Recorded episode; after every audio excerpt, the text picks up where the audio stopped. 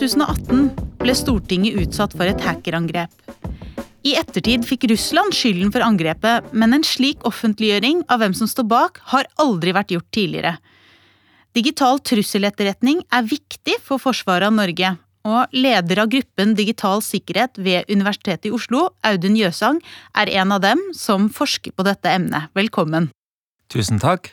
Med oss har vi også Siri Brumander, leder for forskning og utvikling i IT-sikkerhetsselskapet Nemonic. Velkommen. Takk skal du ha. Og vi starter med deg, Jøsang. Hva er egentlig etterretning eller trusseletterretning?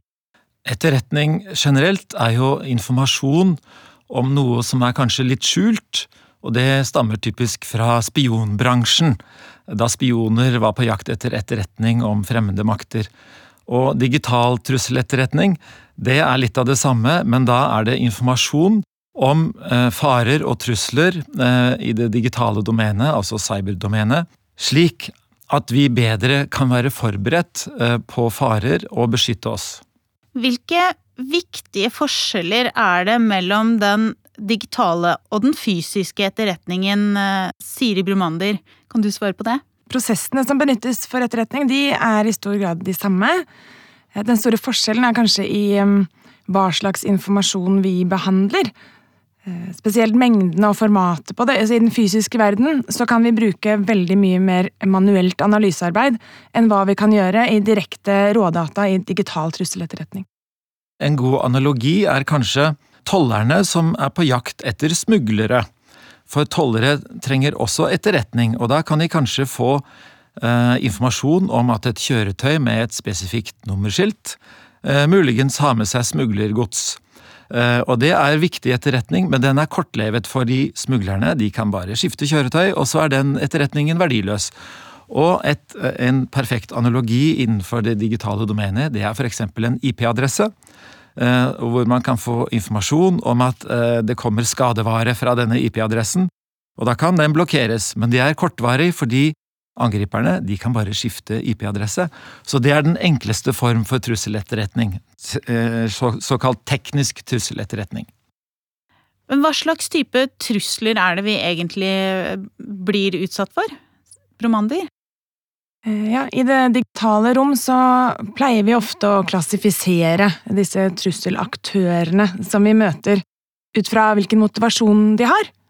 Så vi har liksom alt fra det, de typiske aktivistene som er type anonymous, som vi hører om, de som i utgangspunktet er ute etter å påvirke et eller annet, eh, løsligere gruppert, eh, mye fritid. Og så har du de som er ute etter økonomisk vinning. Da har du gjerne folk som er, eller det som ofte refereres til som kriminelle, vinningskriminelle på internett. Som er ute etter, og Da ser vi f.eks. sånn løsepengevirus og den type ting som benyttes eh, der, da, hvor de får en eller annen økonomisk gevinst. Og Den siste gruppa vi ofte snakker om, er eh, de som er nasjonalstater. Eh, og De er gjerne ute etter å hente informasjon over tid, eller i noen tilfeller også gjøre noe sabotasje. Men de er ofte mm, de mest avanserte eh, trusselaktørene vi møter da, på, på, internett. Og da, det du refererte til i stad som angrepet på Stortinget, som vi har hørt om eh, opptil flere ganger i senere tid, eh, det er et typisk eksempel på den type eh, trusselaktører som vi møter da. Ja, her fins jo begrepet APT, som betyr Advanced Persistent Threat. Avansert vedvarende trussel, kaller vi det da på norsk. Og hva betyr da eh, APT? For det første så er det en slags betegnelse på en gruppering, og det er vanskelig å vite nøyaktig hvem de er og hvor de holder til. Eh, de kjennetegnes gjerne på eh, typer angrep som de utfører, altså en slags oppførsel som man kan kjenne igjen. Og hvorfor kalles de avansert? Jo, fordi de har rikelig med ressurser til rådighet og kompetente medarbeidere som har en ni til fire-jobb, rett og slett, med å eh, drive med cyberoperasjoner. Og de kan være ansatt i statlige organisasjoner, eller de kan være sponset av eh, en stat, eller de kan bare bli tolerert av staten så lenge de ikke angriper mål i samme stat. Eh, og så er de vedvarende eller persistente. Det betyr at de har tålmodighet, de er ikke bare ute etter eh, rask vinning. De har et langsiktig mål og kan vente i ukevis, månedsvis og til og med årevis for å nå målet sitt. Men hvis det tar eh, årevis, da, hvordan jobber de egentlig da for å nå et, eh, et langsiktig mål over flere år, sånn hackingmessig? Jeg har liksom et inntrykk av at det er noe som egentlig går veldig fort. Veldig mye av det som foregår, foregår fort. Verktøyene endrer seg, teknikkene som brukes endrer seg. Men de strategiske målene til noen av disse mest avanserte trusselaktørene, de er gjerne konsistente over relativt lang eh, tid. Hvis du er en nasjonalstat som har interesser eh, i andre staters hemmeligheter, eh, så vil det målet vedvare over lang tid. Og da ser man jo at det gjøres kontinuerlig arbeid for å få fotfeste inne i infrastrukturen, på steder hvor man regner med at man på et eller annet tidspunkt kanskje kan behøve den tilgangen for å enten hente ut informasjon eller gjøre en eller annen operasjon, da. Hva, hva, hvordan er det de typisk går fram da? Er det liksom sånn én e-post der, og så fikk de kanskje én USB-pinne hacket der, jeg vet ikke? Ja, det er jo egentlig ganske sånn som et fysisk angrep. På et eller annet vis må du komme gjennom den første first line of defense. Du må komme deg inn på et eller annet vis. Eh, og etter det så begynner man å bevege seg litt rundt og finne ut av hva er det egentlig som finnes eh, her. Av eh, typisk datamaskiner eller server eller alt ettersom hva du er ute etter. Og på det tidspunktet hvor du trenger et eller annet, så kan du utnytte de tilgangene du da har. Mange steder kan man se at flere trusselaktører er inne, og sitter egentlig bare og venter Eh, på at de enten eh, finner den informasjonen de er ute etter, eller at et eller annet skjer i den politiske verden da, som gjør at de kan benytte seg av den eh, tilgangen. Betyr det egentlig at mens vi sitter og snakker her nå, så kan det godt hende at noen har hacket seg inn på Stortinget og bare sitter og, og venter på det riktige tidspunktet til de trenger en type informasjon, og så slår de til? Absolutt, det kan hende, uten at jeg veit det. men, men, hva gjør man hvis man oppdager en sånn uh, liten uh, holdt jeg på å si, fiskekrok i systemet? Hva, hva, gjør man med det da?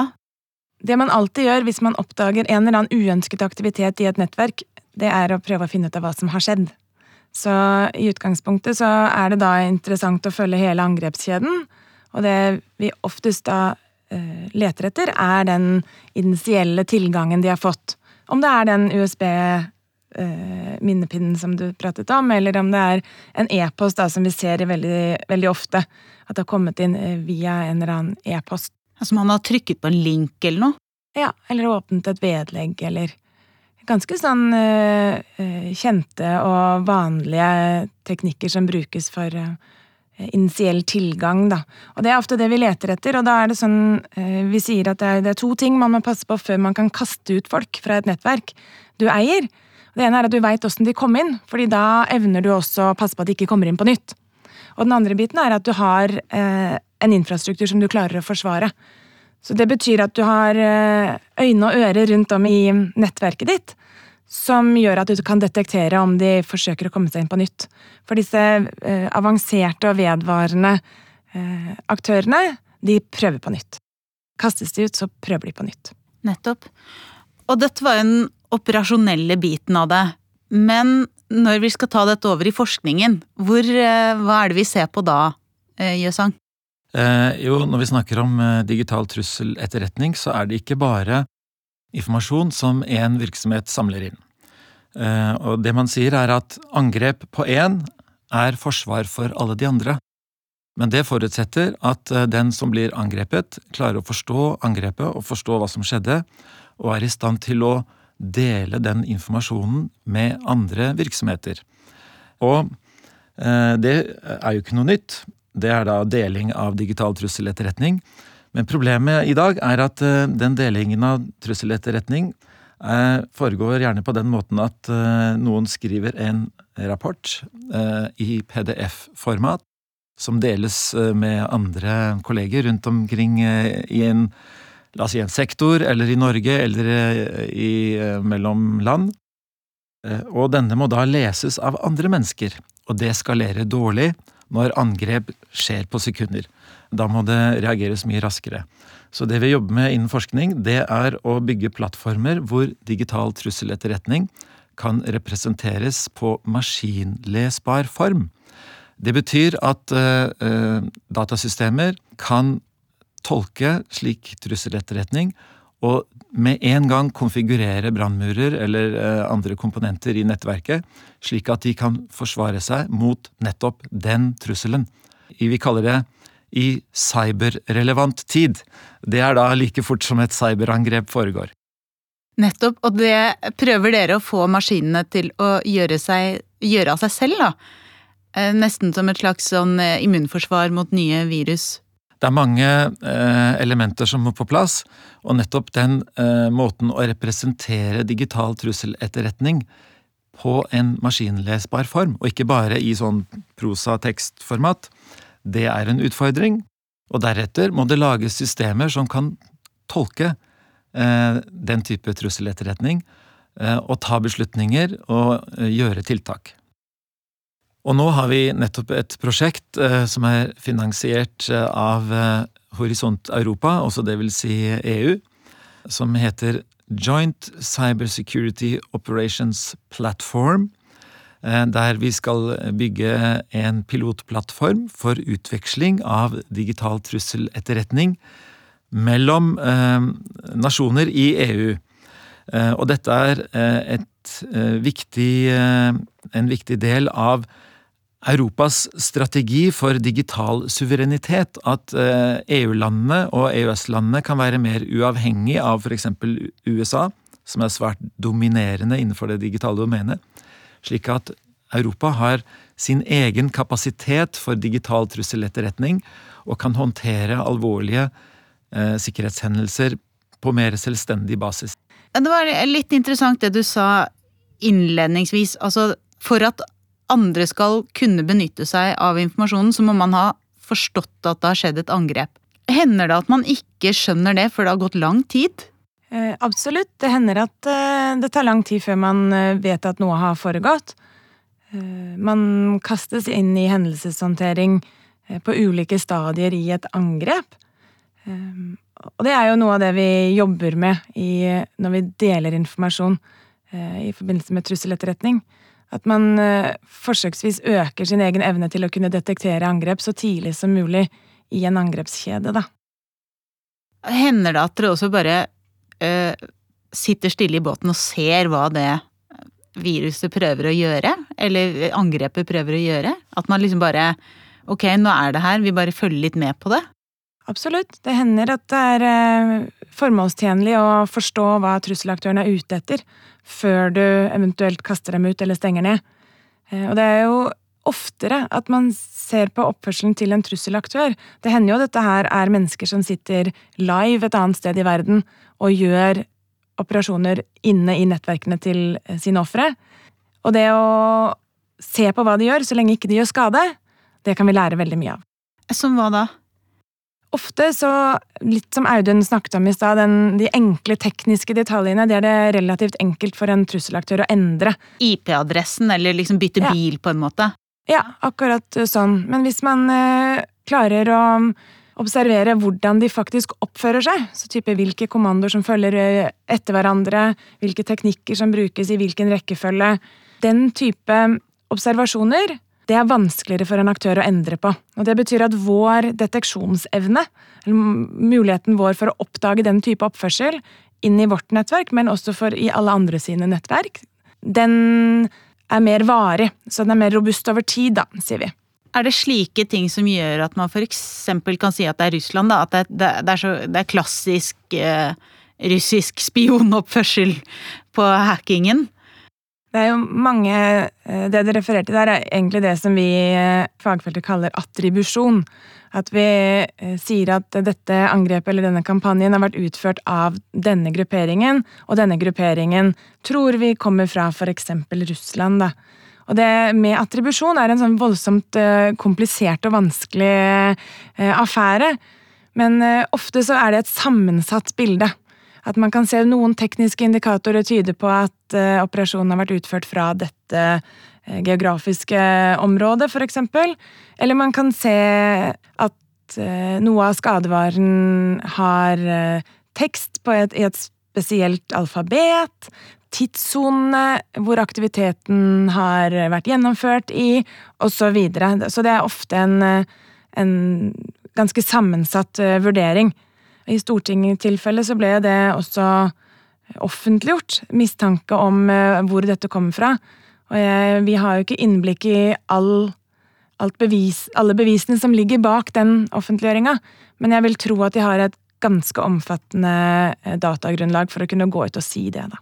Hender det at de liksom kler seg ut som hverandre, holdt jeg på å si? At de liksom prøver å late som at det er en annen stat som har gjort det? Absolutt. Det er jo om å gjøre å kunne skylde på andre. Det ser man jo ofte. Og derfor så må det jo være en, en sånn ganske komplisert og sammensatt vurdering som ligger til grunn for de påstandene. Fordi man veit at eh, det eksempel brukes annet språk, eller man jobber bevisst i en annen tidssone enn det man egentlig er i selv, osv. Det kaller man gjerne da falske flagg som blir lagt inn i de angrepene.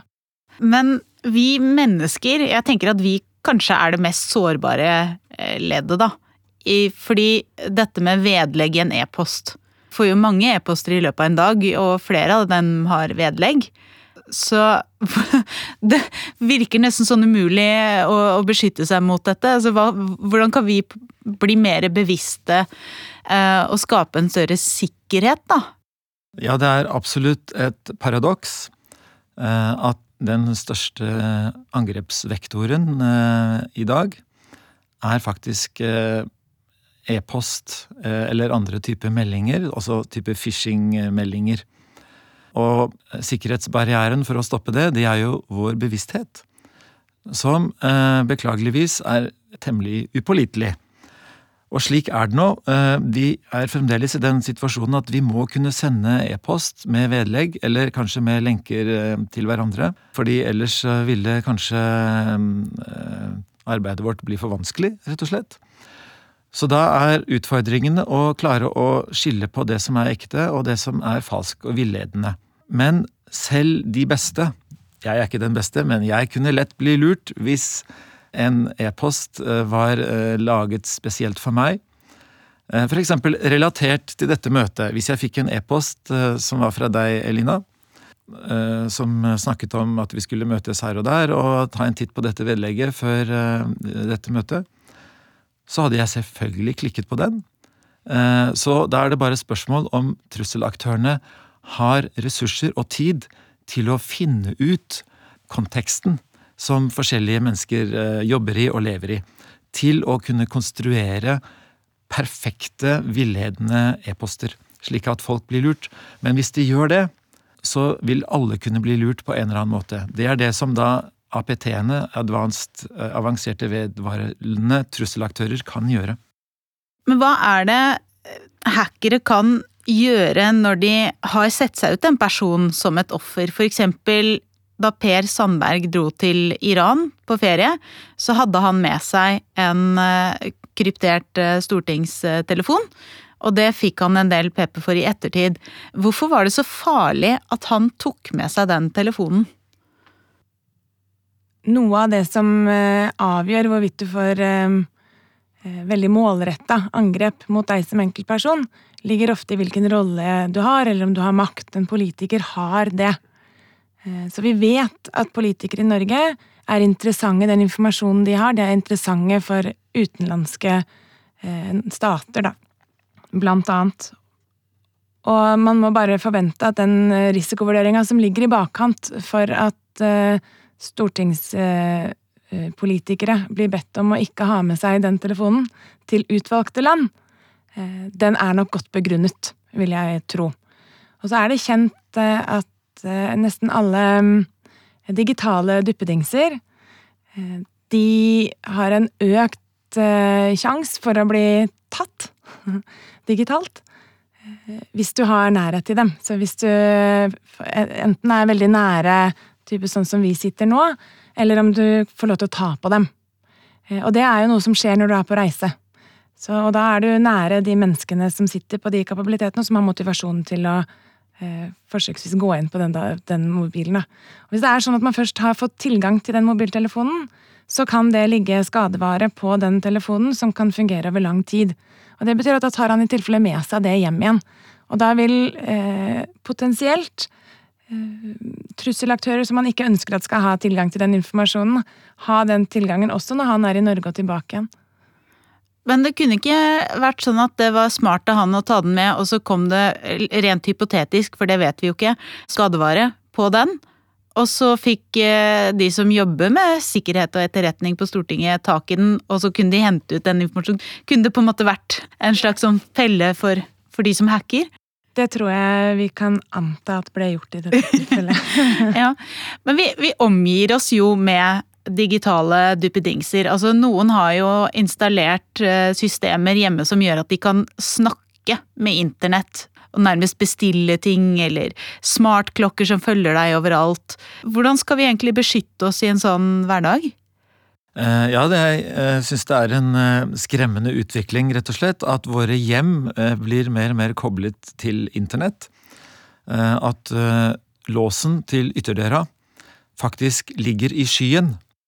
Eh, ikke bare det at eh, hackere kan eh, angripe ting i hjemmet og spionere på deg. altså De kan koble seg inn på alle de smarte duppedittene og på kjøleskapet og, og støvsugeren og, og, kanskje døra, låse opp døra. Men det er også et pålitelighetsspørsmål at vi blir plutselig avhengig av en veldig komplisert infrastruktur. Eh, jeg har lest eh, eksempler på hvor eh, leverandører av slike tjenester plutselig hadde nedetid.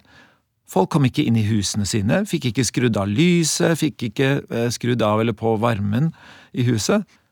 Så dette er en ny tilværelse, men det er klart, det kan jo håndteres. Men for at det skal skalere, så må både robusthet og Eh, hensyn til digital sikkerhet eh, fokuseres på veldig sterkt. Ja, for Hva gjør du egentlig hvis ytterdøra di har fått et sånt løsepengevirus, og du må betale for å komme inn, og du står der, det er ti minus du har henta i barnehagen, og alle er sultne? ja, da vil jeg faktisk sende spørsmålet tilbake. Hva ville du gjort? Ville du betalt, eller Det er vanskelig å svare på det spørsmålet, ja. Ja, jeg ville i hvert fall tenkt at det er eh, krise, men det viser jo hvor mye makt det er. For det er jo ikke En ting er våre personlige liv, det er jo begrenset med hvor mye de ville kunne presse meg for eh, som privatperson. Men eh, løsepengevirus har vi jo et eksempel på fra mai 2021, hvor Colonial Pipeline ble blokkert, og hele systemet ble satt under et angrep hvor hackerne ville ha løspenger for å rett og slett eh, gi dem tilbake olje- og gassrørledningene. Har vi blitt for avhengige av det digitale? Det er klart at økende mengde digitalisering, det øker angrepsflaten. Eh, og det øker mengden konsekvenser vi kan utsettes for. Eh, og da blir den sikkerhetstankegangen og risikotilnærmingen fryktelig viktig. Samtidig så ser vi at eh, det har jo mange store fordeler at vi kan bruke de fordelene digitaliseringen gir oss. Så det tror jeg kommer til å forbli en sånn evig eh, avveining som man må gjøre. Og så må man lære da av de, den type eh, angrep som Colonial Pipeline var, for å se til at ikke det kan skje på nytt. For det er jo alltid nesten sånn at når man har slike store angrep som får store, store konsekvenser for menigmann, så lærer man noe om hvordan man kan unngå det. Eh, og det er stort sett alltid et eller annet som man tenker 'å søren, det skulle jeg ikke gjort på den måten'. Jeg er helt uh, enig i det du sier der, Siri, at uh, vi må uh, rett og slett håndtere truslene, håndtere risikoene. Og det er også målsettingen for arbeid med digital sikkerhet. Vi kan aldri gjøre ting perfekt sikkert. Det eneste vi kan gjøre, er å sørge for at truslene og risikoene som vi ser, at vi kan balansere de og forhindre eller mitigere de med eh, riktige sikkerhetstiltak. Og det er ikke bare vi som bygger forsvar og som bygger nettverk og infrastruktur som driver med innovasjon.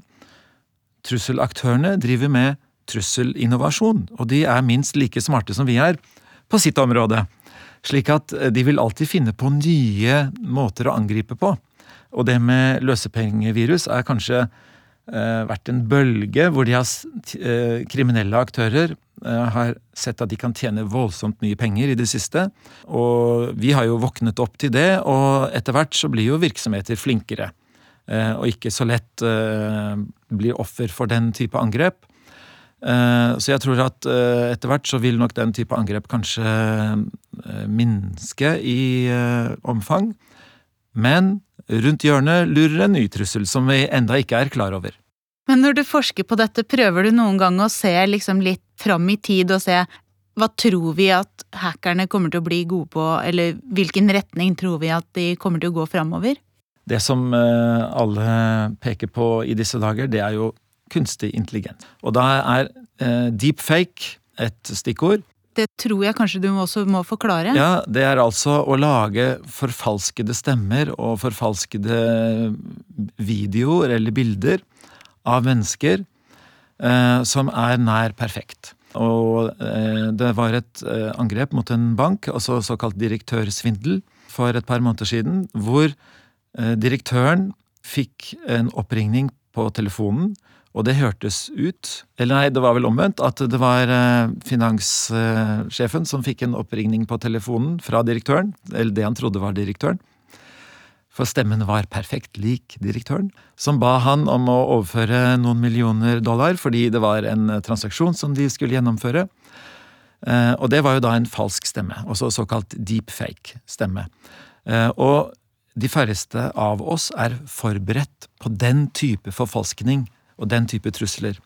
Eh, og det vil vi se mer og mer av, og det er nok noe som eh, virksomheter må eh, venne seg til. At snart, snart kan vi ikke lenger ta telefonen og høre en kjent stemme. Eller klikke oss på et Teams- eller Zoom-møte og se et kjent ansikt og anta at det er den personen vi tror det er. Vi må rett og slett finne måter å forvisse oss om at den vi snakker med på telefonen eller ser på et møte, er den de gir seg ut for å være. Og det er en ny utfordring, for eksempel. Hva kan vi egentlig gjøre for å beskytte oss? Eh, ja, Foreløpig så kan du kanskje se på et, video, eh, et videomøte, online møte, om kvaliteten er god. Eh, men på stemmen, hvis det er en dårlig høyttaler på en telefon, så vil det være vanskelig å faktisk skille mellom de to, da. Så her er vi litt på tynn is, rett og slett, eh, for tiden, tror jeg. Jeg har jo en brosjyre hjemme som jeg fikk eh, for noen år siden, hvor det står 'Du er en del av Norges beredskap'. Burde vi hatt en sånn 'Du er en del av Norges digitale beredskap'? En slags sånn plan for hva er det de minste tingene du kan gjøre? Ikke åpne vedlegg kanskje ha et, en kode når du skal snakke sjef, med sjefen om store pengeoverføringer, eller et eller annet annet. Jeg tror det du snakker om der, er digital sikkerhetskultur. Rett og slett. Og det gjelder ikke bare innenfor virksomheter, men det gjelder befolkningen generelt. Eh, vi vet jo at barn må lære å se seg for til høyre og venstre før de går over veien. Og det samme gjelder nå i det digitale domenet. At vi må lære å se oss til høyre og venstre før vi klikker her eller går over veien. For ellers så eh, på en måte så lever vi ikke lenge i det digitale domenet. Eller vi faller lett offer, da, for den type angrep. Jeg kan jo kanskje legge til eh, også at eh, for å sikre oss selv og være en del av det første forsvaret, så er det superviktig at vi bruker gode passord, at vi beskytter passordene våre, bruker tofaktor-autentisering, og at vi passer på at de digitale enhetene vi omgir oss med, er oppdaterte til enhver tid. Det er kanskje det viktigste vi som eh, menigmann i Norge kan gjøre. Veldig fint å ha runda med noen praktiske tips som eh, alle vi der hjemme kan eh, følge opp. Eh, og så tenkte jeg også bare skulle nevne at det, eh, er jo massevis av både forskning og utvikling på dette området, sånn at det, eh, er en del spennende jobber, og dermed også en del spennende studier. Så for de som er litt nysgjerrig på dette, så er det jo bare å sjekke ut noen av studieprogrammene på UiO. Og vi i Nemonic vi er alltid ute etter nytt talent innenfor fagfeltet, og da spesielt folk som har tatt master innenfor informasjonssikkerhet. Og med det så sier vi takk for i dag. Eh, programleder for denne episoden var Elina Melteig. Produsent er Yvonne Petrem, og teknisk ansvarlig er Arve Nordland. Vi tar gjerne imot tips på e-posten podkast-universitetsplassen at uio.no. gjerne uten vedlegg. Vi høres!